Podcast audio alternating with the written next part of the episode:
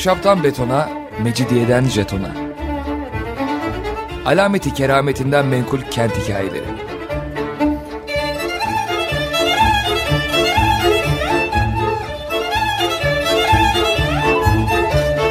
Hazırlayan ve sunan Pınar Erkan.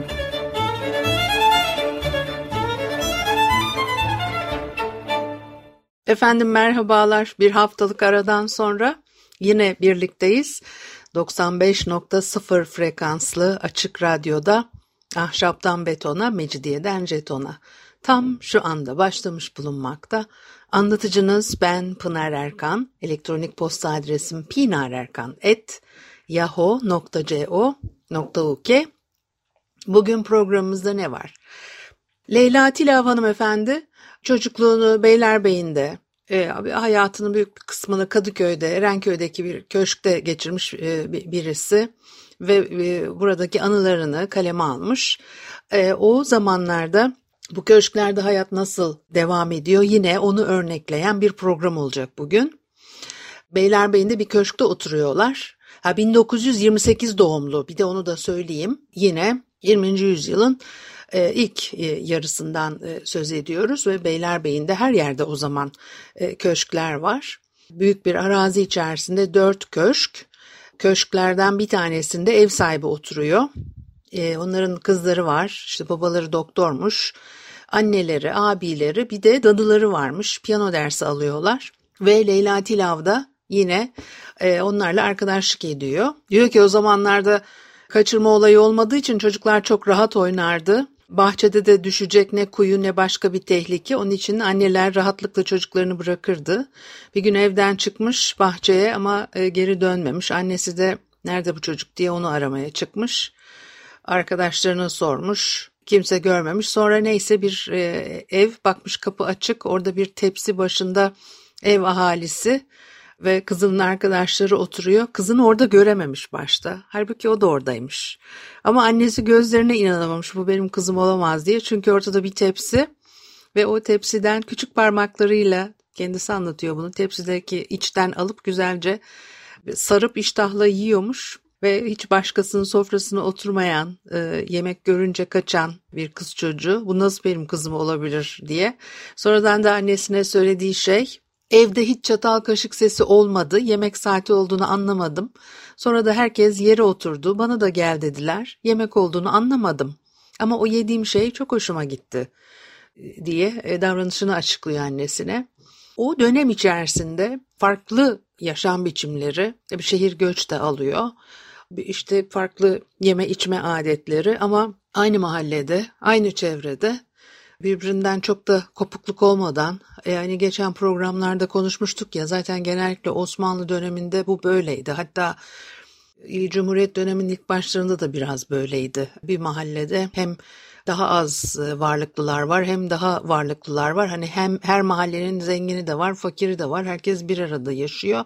Pek de öyle zengin muhit, zengin mahallesi diye bir şey yoktu. O sonradan ortaya çıkan bir şey. Çok şey değişmiş tabii 20. yüzyılda. Bir de o nüfus artışıyla birlikte yaşam biçimleri nasıl değişecek? E, biraz hani buradan giriş yaptım. Leyla Tilav hanımefendi anılarını böyle anlatırken 1970'li yıllarda Erenköy'deki e, ahşap evlerinin nasıl yıkıcıya verildiğini de anlatıyor. Ben hani asıl başta onu anlatmak istemiştim fakat bu Beylerbeyi'ndeki e, yaşantılarından da bahsetmek daha da e, enteresan olabilir e, diye düşündüm. O hayat nasıl ve bugünkünden ne kadar farklı aslında biraz onu paylaşmak istiyorum. Bugün çok fazla göremeyeceğimiz ilişkiler bunlar şehir hayatında bilmiyorum.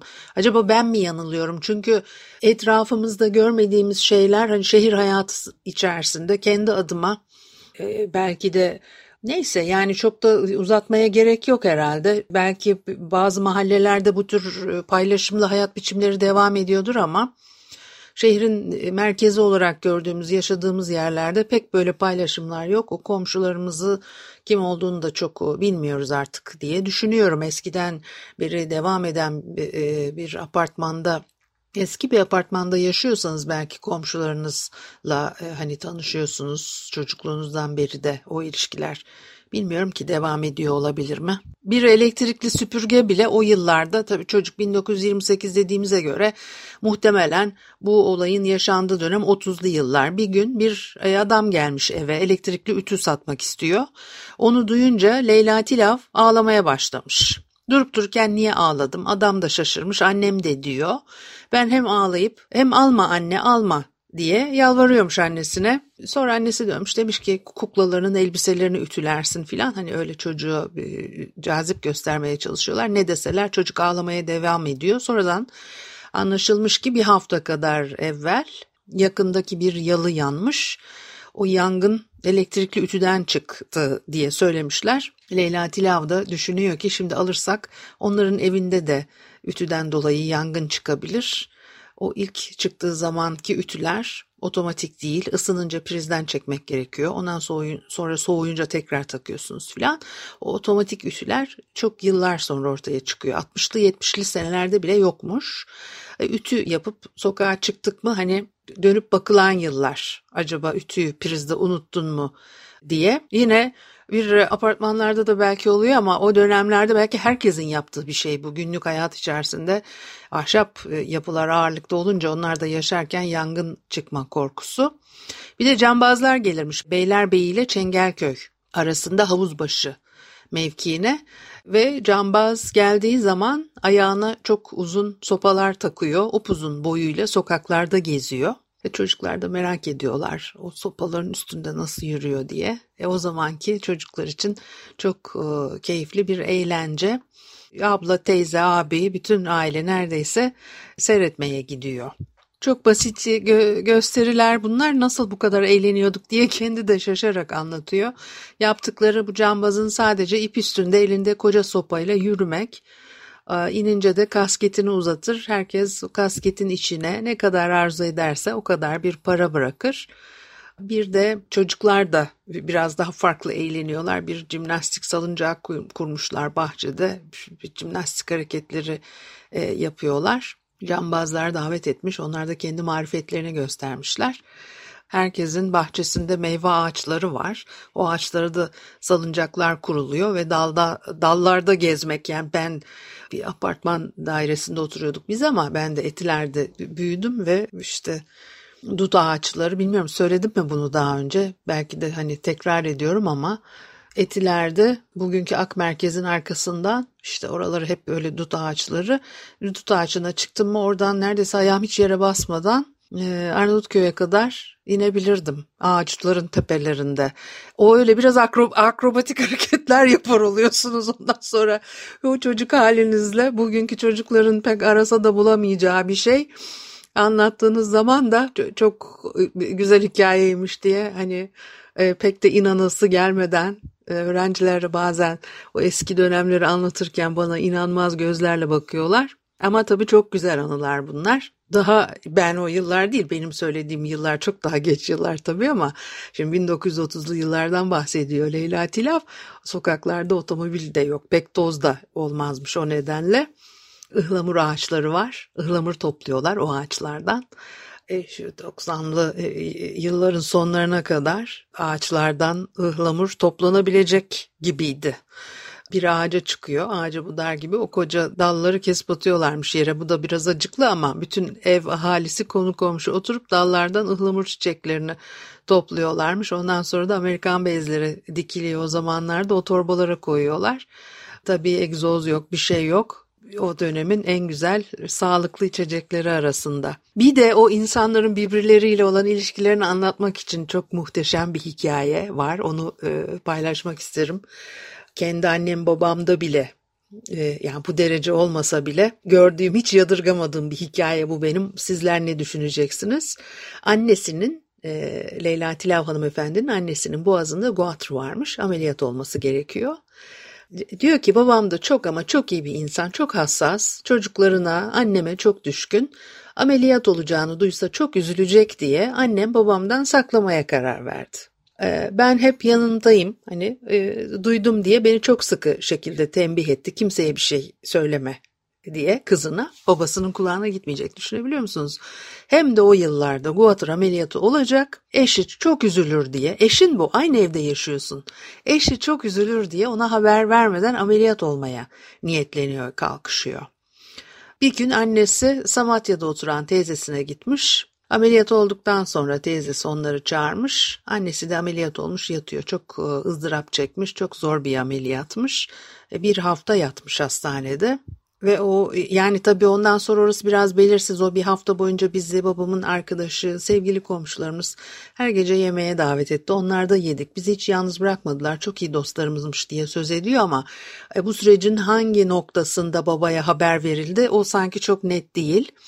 Fakat o e, Türk filmlerinde yaşanan e, o onurlu gururlu davranışlar hani yahu söylesene söylesene hani bir hep yanlış anlaşılmalar olur da bakarsınız dersiniz ki ya doğru düzgün bir cümle kur da şunu söyle de adam senin derdinin ne olduğunu anlasın da bu yanlış anlaşılma olmasın diye. Fakat hani bunların sadece filmlerde olduğunu düşünürsünüz ama aslında o geçmiş dönemlerde böyle bu kadar incelikli ameliyat ol, olacak ve bunu evde birlikte yaşadığı eşinden saklamak için üzülmesin diye. E, dolayısıyla da o birbirleriyle yapılan konuşmalar, o yanlış anlaşılmalar herkes bir de o kadar gururlu, onurlu ki hani bir cümle kuruyor ve arkasını ne yapalım yanlış beni yanlış anladı deyip açıklama yapmaya bile tenezzül etmiyor diyeceğim. Hani onu bir e, onur meselesi yapıyor. Çok enteresan ilişkiler, e, yaşam, her şey bir paket gibi.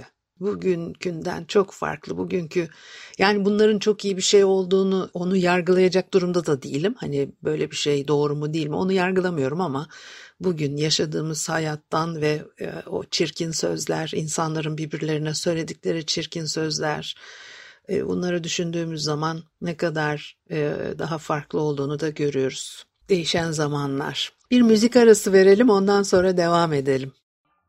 Efendim Açık Radyo'da Ahşaptan Betona, Mecidiyeden Jeton'a devam ediyor. Haliyle Pınar Erkan'ı dinlemektesiniz. E, Leyla Tilaf hanımefendinin hatırladıkları, kendi anlattıklarını ben de sizinle bugün paylaşıyorum. Beylerbeyi'ndeki bir e, konakta işte çocukluğu geçiyor 1930'lu yıllar birazcık ondan söz ettik.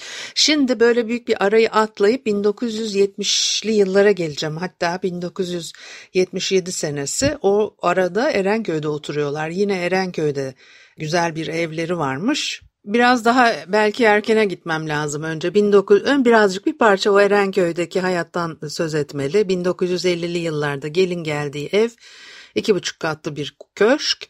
Bir çatı katında oda balkonu varmış ki oraya da bayılmayan yoktu diyor. Bütün etraftaki evler hepsi ağaçlar arasında iki veya iki buçuk katlı köşkler. Bir fotoğrafı da var. O fotoğrafı da Twitter'dan e, göreceksiniz. Manzarası çok güzelmiş. Mehtap denize vurunca doyum olmazdı bu güzelliğe diyor. Bahçesi pek büyük değildi ama içinde e, olmayan meyve yokmuş. Can eriği, dut ağaçları, vişne, e, başka türlü erik türleri, ayva, incir, fıstık ağacı, akasya. Bir de o Erenköy'ün meşhur çavuş üzümü. Eşinin ailesi babasının sağlığında Göztepe'de oturuyorlarmış. Sekiz dönüm bahçe içinde bir köşkte yaşıyorlarmış. O bahçede de olmayan meyve yok. E, o köşkleri mutlaka üzüm bağları olurmuş. E, bahçeleri ekip biçiyorlar. Bütün sebzeler bahçeden geliyor. Bostanları var. Komşular, paşa aileleri bahçede çamların altında nargile içiliyor. Buralarda toplanılıyor. Diyor ki o seneler o senelerde henüz Marmaris Bodrum keşfedilmediği için Kızıl Toprak'tan Küçük Yalı'ya kadar bir de adalar sayfiye yeriydi. Bu yüzden büyük köşkler e, e, evlerini e, yazlık kiraya veriyorlar. Ve burada da mesela işte Atatürk'ün kız kardeşi Makbule Hanım kiracı olarak gelmiş kalmış eşinin ailesinin evinde. Sonra eşinin babası ölünce dört kardeş bir de anne o evi bölüşemiyorlar ve satıp parasını bölüşüyorlar. Çok klasik hikayelerden bir tanesi neden o köşkler kalmadı gitti. Ve e, o parayla eşi, annesi Leyla hanımefendinin gelin gittiği evi al, köşke almışlar. İkinci katta e, oturuyorlar. Sonra e, bir işte zaman geçiyor bir kızları oluyor. Bu 77'de evin yıkılışını e, vakit kalmayacak diyordum kopuyor. Onun için biraz hani Erenköy'deki evden söz ettim. Kızı büyüyor Erenköy'deki bir köşkte. Ee, gene çok güzel fotoğraflar var. Yani o fotoğraflara baktığınız zaman bugünkü Erenköy olduğunu düşünebilmek bile çok mümkün değil. Bağ bahçe içerisinde gerçekten bir sayfiye e, görüntüsünde her yer yeşillik, o, o güzelim evler. Zaten hep söylerler ya eskiden beri Haydarpaşa'dan insanlar e, banliyö trenine binerlermiş ta Küçük Yalı'ya kadar giderlermiş köşkleri görmek için. O kadar güzel bir manzara ki manzarayı seyretmek için trene binip gidip e, geri dönerlermiş. Şimdi bu e, Erenköy'deki ev 1977 senesinde artık kızı da Londra'da okumaya e, gitmiş Leyla Tilav hanımefendinin ve evi yıktırmaya karar veriyorlar. haber veriyorlar evi müteahhite vereceğiz diye kız çocuğu çok üzülüyor dayanamıyor koşup geliyor evini son kez görmek istiyor. Tam geldiği sırada da üst kattan e, yıkıma başlamışlar ve kızının yatak odasının kapısı sokakta duvara yaslanmış duruyormuş. Üstünde bütün sevdiklerinin resimleri yapışmış halde. Ve tabii e, çocuk yani genç kız muhtemelen İngiltere'de üniversite okuyor. E, hem ağlamış hem geçmiş günleri konuşmaya başlamışlar. O Erenköy çok güzeldi. Çamlar, ağaçlar, çiçekler arasında sade beyaz köşkler vardı. Diyor ki 70'li yıllarda yavaş yavaş evler apartmana dönüşmeye başlamıştı ve şimdi de sıra bizimkine gelmişti. Artık yeşillikler e, bitecek, apartmanlar sıralanacaktı. Kaç kere teklif gelmiş, vermek istememişler ve vermemişler de. Fakat şimdi bütün etraftaki evler e, yıktır, yıkılmışlar. E, herkes apartman yaptırmış. O ahşap e, konutların, konakların, köşklerin yerine biz de vermek mecburiyetinde kaldık diyor. Bu da enteresan. Yani herkes vermiş, biz de vermek mecburiyetinde kaldık. Ne türden bir mecbur bu yani herkes verince biz ne türden bir mecburiyet o da ayrı bir konu. Bunların üzerinde durmak lazım, bunları düşünmek ve hatta yazmak lazım. Diyor ki benim gençliğimde sokaklar boştu ancak saatte bir otobüs geçerdi. Bir otomobil geçse bakardık ve e, kendi çocuğu için söylüyor onun çocukluğunda minibüsler işlemeye başladı. Ana caddelerde 60'lı e, yıllarda muhtemelen 70'li yıllarda yeşillikler arasında ara yollar yine boş 80'li yıllarda bile neredeyse öyleydi. Elbette arabalar geçiyordu araçlar geçiyordu fakat yine de bugünkü kalabalıkla kıyaslanamaz. E, bisikletle çocuklar sokaklarda gezebiliyorlar. Bir de o arada aslında Şimdi çocuk okuyor okulda herkes e, İngiltere'de yardım istermiş. Gene o dönemdeki bakış açısı e, nasıl farklı düşünülüyor. E, bir arkadaşı eşiyle orada yaşarken Londra'da diyelim bir işte bir şeyden dolayı mahkemeye düşmüşler. Moralleri bozulmuş ve Leyla Hanım'ın kızından rica etmişler bizimle gel diye. Yanlarında arkadaş arıyorlar destek olacak. O da iş yerinden izin istemiş ama izin alamamış. Arkadaşlarıma söz verdim yardımcı olurum gitmem lazım diye. Ne yapsın? İşten çıkmış. bir kez söz verdi ya arkadaşlarına. Ondan sonra da epey bir süre bir iş bulamamış filan.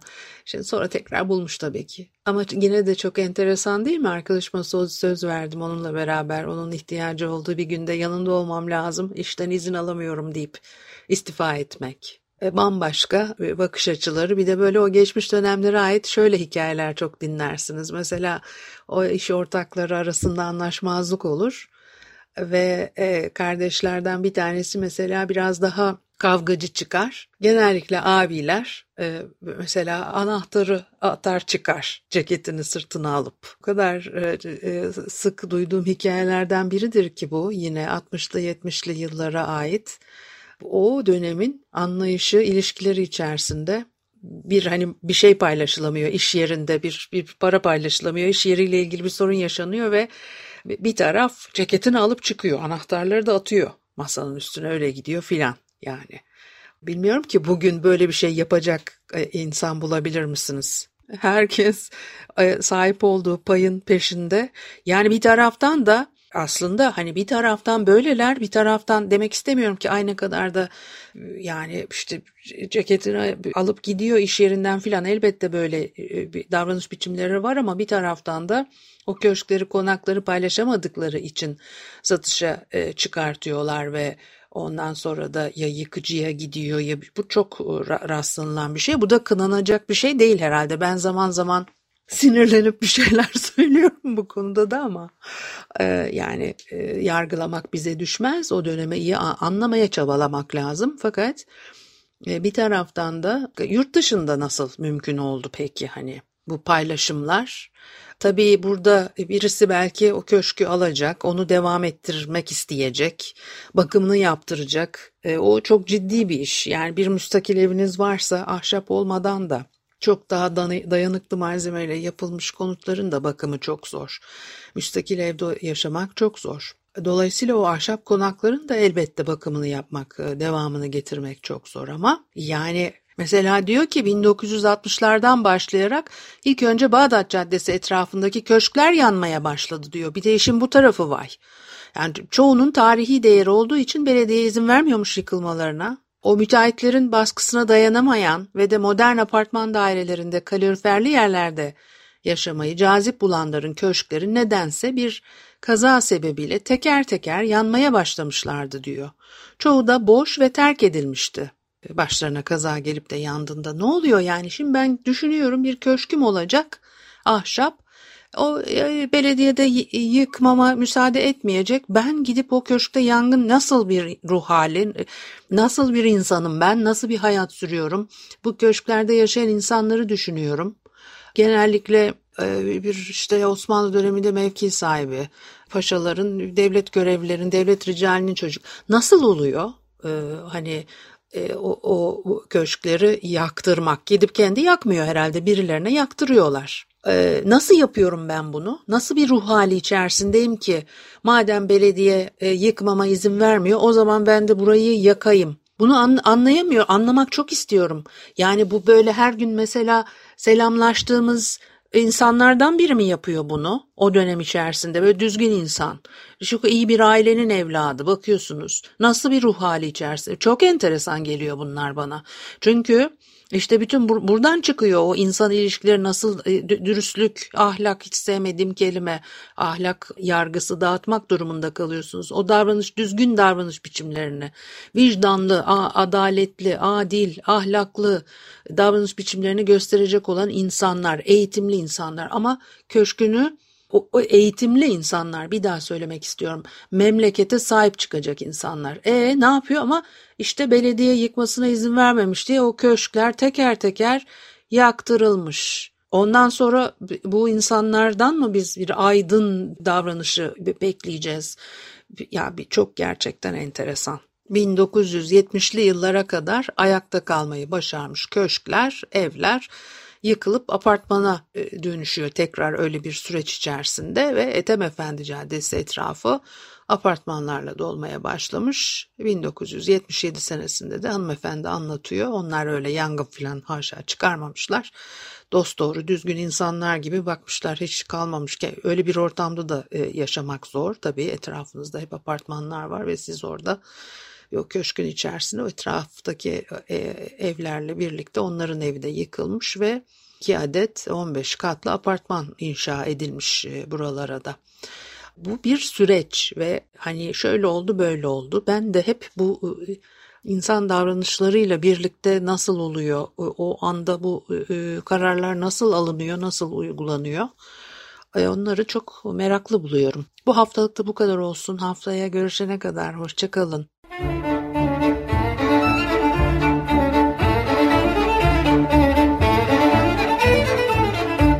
Ahşaptan betona, mecidiyeden jetona. Alameti kerametinden menkul kent hikayeleri.